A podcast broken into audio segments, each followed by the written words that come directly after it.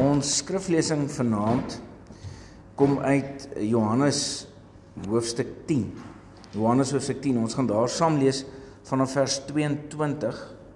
Johannes hoofstuk 10 vanaf vers 22. En die tema vanaand is die Jode. Oor hoofse tema, week van gebed, die woord het mens geword en onder ons kom woon en dan een van die deel van die mense onder wie hy kom woon het, is hy ook onder die Jode kom woon. En dan terwyl ons so lees en elke keer as jy die Jode hoor of die Jode sien, ehm um, dink 'n bietjie wat kan die Jode waarvan Jesus daar praat of waarvan die Bybel praat, van wat is dit ook vir vandag in ons samelewing in ons eie lewe vir wie verteenwoordig dan dit ook. Johannes 10 vanaf vers 22. Dit was daardie tyd die fees van die tempelwyding in Jerusalem en dit was winter. Jesus het in die tempel in die pilaargang van Salomo geloop.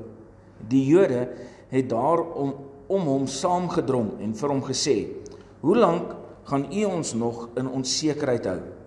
As u die Christus is, sê dit reguit vir ons."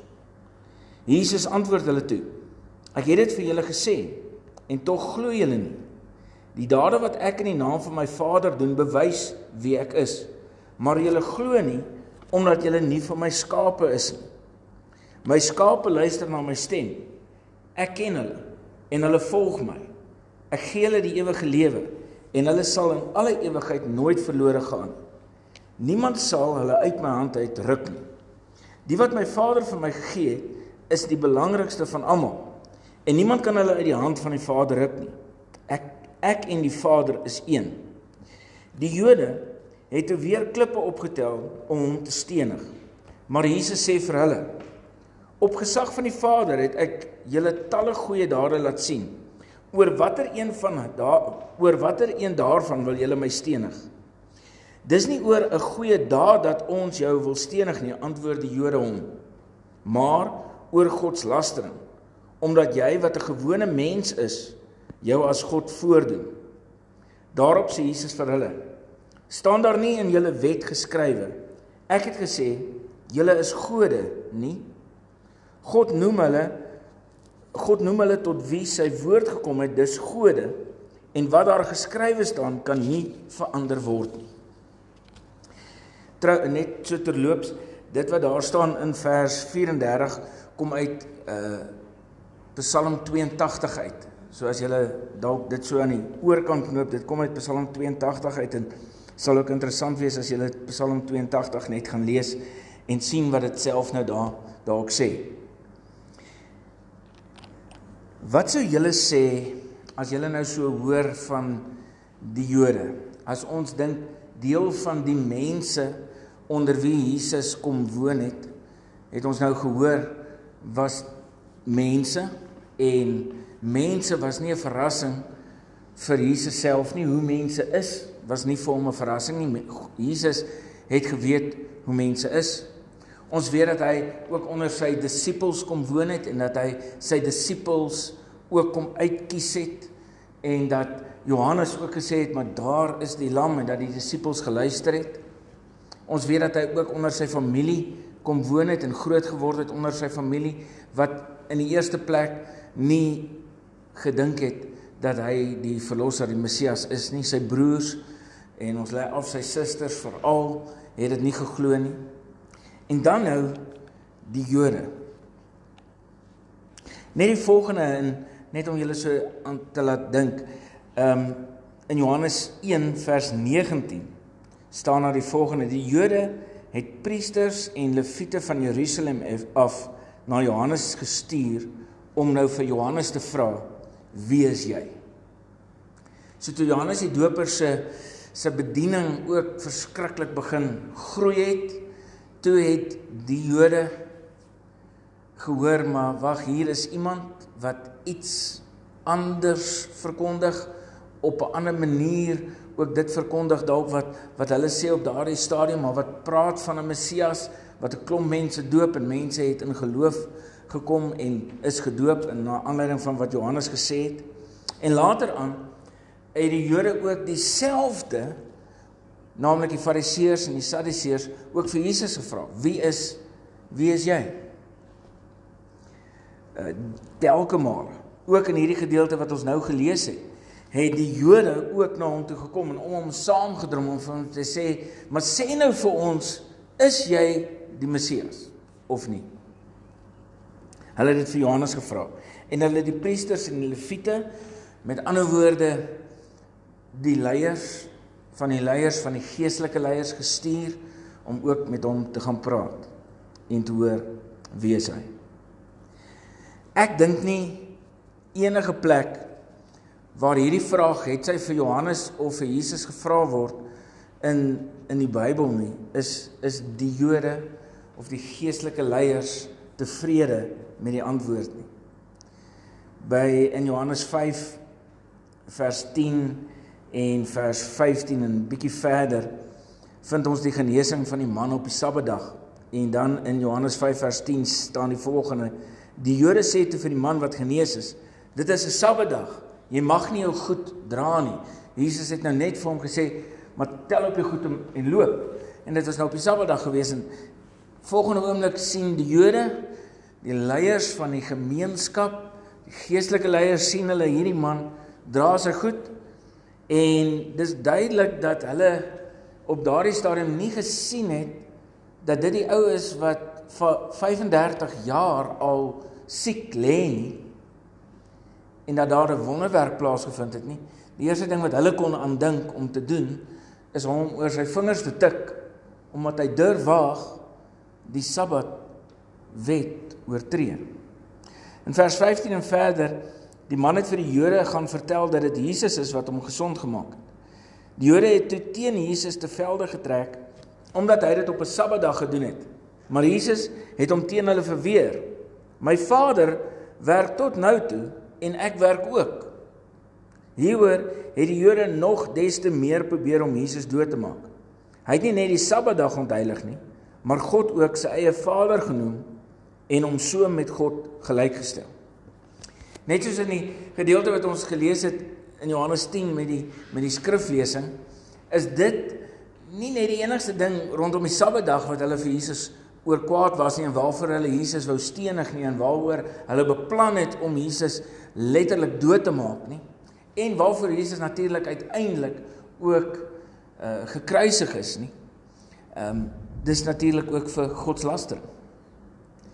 En ek dink dat ons sou op dieselfde manier reageer.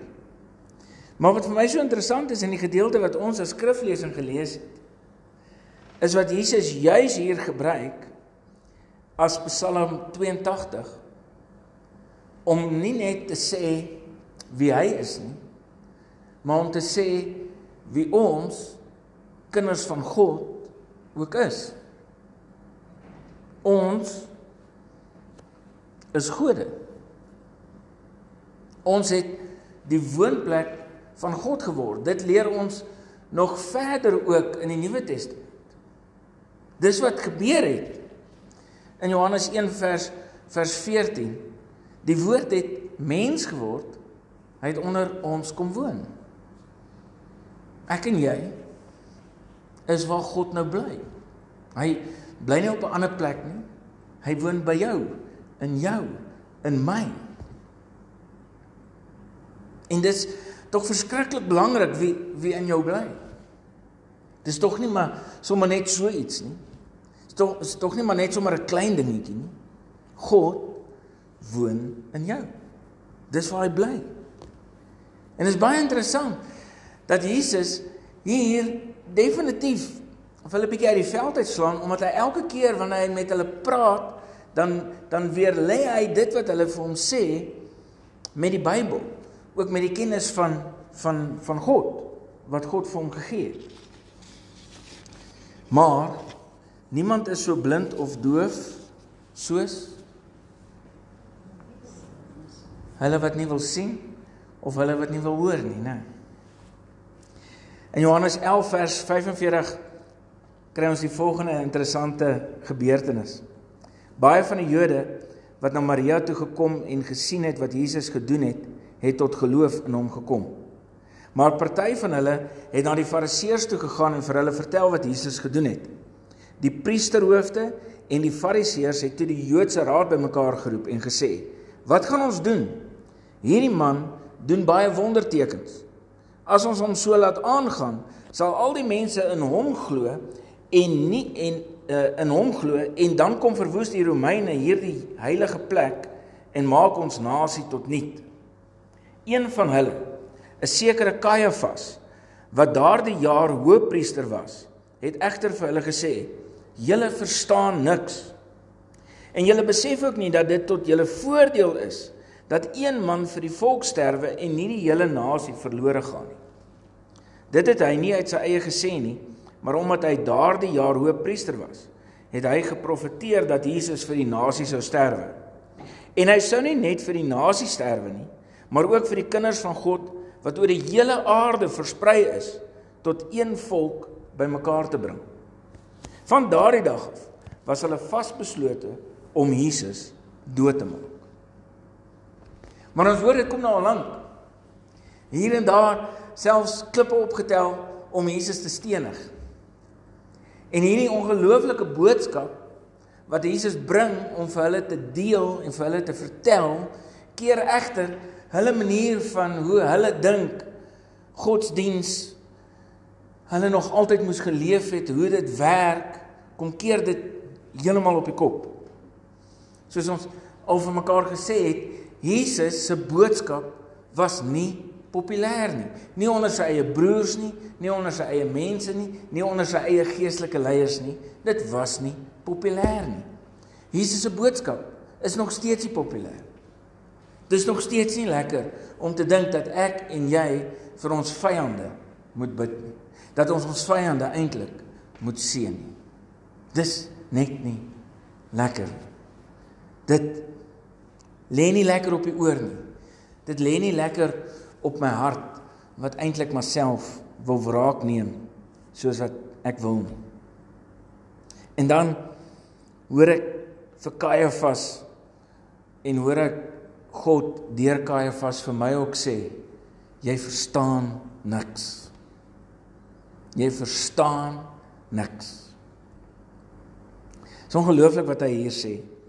En hy sou nie net vir die nasie sterwe nie, maar ook om die kinders van God wat oor die hele aarde versprei is tot een volk bymekaar te bring. As hy hier praat, praat hy nie meer net van die Jode nie.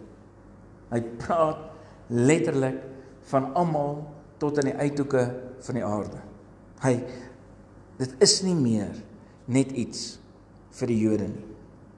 Dit is ook interessant wat hier gesê het dat hulle sê en hulle vrees en en vrees speel 'n verskriklike belangrike rol ook speel vrees 'n belangrike rol onder die disippels. Ook spreek speel vrees 'n belangrike rol onder die Joodse raad, onder onder die Jode self, want die Jode is weer bang vir die Romeine.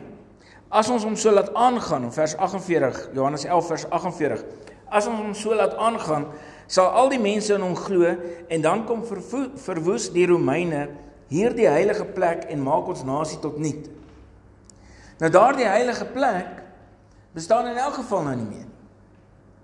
Die plek dink die Jode, veral die ultra-ortodokse Jode, dink nog steeds so naas moontlik as wat hulle aan die tempel kan kom, kom hulle aan een van die westelike mure van die ou Jerusalem. Voordat gehad so 'n paar jaar terug om self daar te wees. Ek het so 'n paar van die gebede briefies het ek gesteel. Hulle kom in elk geval en maak dit skoon en so aan. Ehm um, ek het so 'n paar van die briefies daar uitgehaal. En uh is nogal interessant.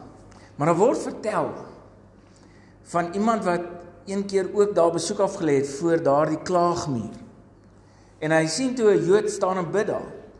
En toe die Jood klaar gebid het, toe vra hy vir hom: "Hoor jy help dit?" En toe sê die Jood vir hom: "Hy weet nie dit kom maar net sowel voor 'n muur gestaan en bid het. Broers en susters, die skrikwekkende ding wat ek en jy moet begin besef is dat 'n mens gaan nie kerk toe nie. Jy is kerk. Jy is klaar die plek waar God is. Jy's 'n gestuurde. Nou stap jy die sendingveld in. Dit staan hier by elkeen van die deure. Die feit bly staan is jy hoef nie eers ergens heen verskriklik te stap nie. Jy kan maar net in jou huis sendingveld sendingwerk doen, net in die plek waar jy woon, waar jy werk, waar jy kuier, waar jy speel, waar jy is. Daar is jy 'n gestuurde. En jy het Jesus in jou. Ek wil weer 'n keer sê, dit lyk my ons verstaan niks. In Johannes 18 vers 33 en vers 36 dan is Pilatus as jy die hele gedeelte daar in Johannes 18 gaan lees, is Pilatus besig om met met tussen die Jode en Jesus te redekawel en en en Pilatus is ook bang. Pilatus is ook bang want sy eie kop kan letterlik rol as as hier 'n opstand kom. En hy's bang vir die Jode ook want dalk oor oorrompel die Jode vir hulle ook. En Pilatus sê hier in vers 33, Pilatus het toe weer in sy amptswoning ingegaan en Jesus geroep en vir hom gevra: "Is jy die koning van die Jode?" In vers 36 sê Jesus, antwoord Jesus hom, hy sê: "My koninkryk is nie van hierdie wêreld nie. As my koninkryk van hierdie wêreld was, sou my onderdane geveg het sodat ek nie aan die Jode uitgelewer sou word nie. Maar nou is my koninkryk nie van hier nie." Broers en susters, ek en jy is nie hier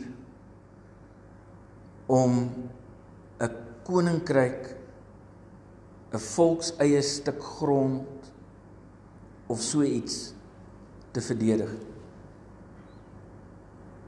Ek en jy is ook nie hier om die koninkryk te verdedig. Die koninkryk van Jesus is iets wat in totale afhanklikheid en oorrompelde oorrompelde oorweldigende liefde geleef moet word. Dis die koninkryk van Jesus. Elke keer as iets in my en jou stuur en en as ek en jy enige iets beleef wat die teenoorgestelde is van die vrug van die gees is dit in stryd met die koninkryk van God. Dis die die toets. Ek en jy is nie van hier nie. Want die een wat in ons woon is nie van hier. Die Messias, Immanuel, God het in ons kom woon sodat ek en jy hierdie plek waar ons bly waar ons leef, waar ons speel, waar ons kuier kan verander. Waar werklike liefde is, is daar nie vrees nie. Ek en jy kan nie in vrees lewe want dan kan ons nie lief hê nie. In Johannes 20 vers 19 die aand nadat Jesus gekruisig is die 'n week daarna na Jesus se kruisiging sonnige aand was die disippels bymekaar alhoewel die deure gesluit was omdat hulle bang was vir die Jode het Jesus gekom en tussen hulle gaan staan en vir hulle gesê vrede vir julle dwars deur Johannes is daar die heeltyd hierdie vrees Die hele tyd is hierdie vrees. Almal is bang vir mekaar. Almal is bang oor wat gaan gebeur. Almal is bang. Oop op 'n stadium is een van die mans wat wat wat blind was, wat genees is deur Jesus, was hy bang geweest en sy en sy gesin, sy ma en sy pa was ook bang geweest dat die Jode moet uitvind dat dat Jesus hom genees het. Dis dieselfde man wat die disippels vir Jesus gevra het, maar maar hoekom is hy siek? Was dit sy pa of ma of sy eie sonde of wie se sonde is dit? En dan sê hulle hy was bang en hulle was bang want hulle wou nie gehad het hy moet uit die sinagoge geban word nie. En die uiteinde van die saak is hy is verban uit die sinagoge uit.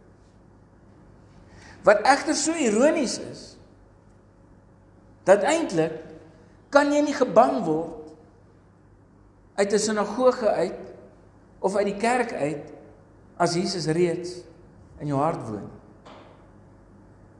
Hy bly in jou hart. Hoor wat het hy gesê van ons wat hom in ons hart het. Hy sê die interessante ding, hy sê is my skape. Jy's my skaap. Hy sê as as julle nie glo in my woorde nie, as julle nie glo in hoe dit werk binne in my koninkryk nie, dan is julle soos baie van die Jode nie my skape nie. Dwars deur dit word aanhoudend vertel hoe die Jode ook tot bekering gekom het. Sommige van die Jode ook tot bekering gekom het in Jesus. Elke nou en dan dan sien ons iemand wat wel iets verstaan. Broers en susters, dominees, pastore, die kerk, die ANC, die Afrikaners almal van ons wat dink dat ek en jy hier is om met ons mag en krag dinge te maak verander en dink dat die liefde nie die antwoord is nie maak 'n groot fout. Want Jesus kon soveel keer met mag en krag nie gekruisig geword het. Net eenvoudig oorgeneem het. Net gesê het nou bou ek vir my 'n aardse koninkryk. Maar hy het Dis Jesus. Dis sy boodskap. Nie populêr nie. Maar dis sy boodskap. Ook vir die Jode maar ook vir jou en my. Amen.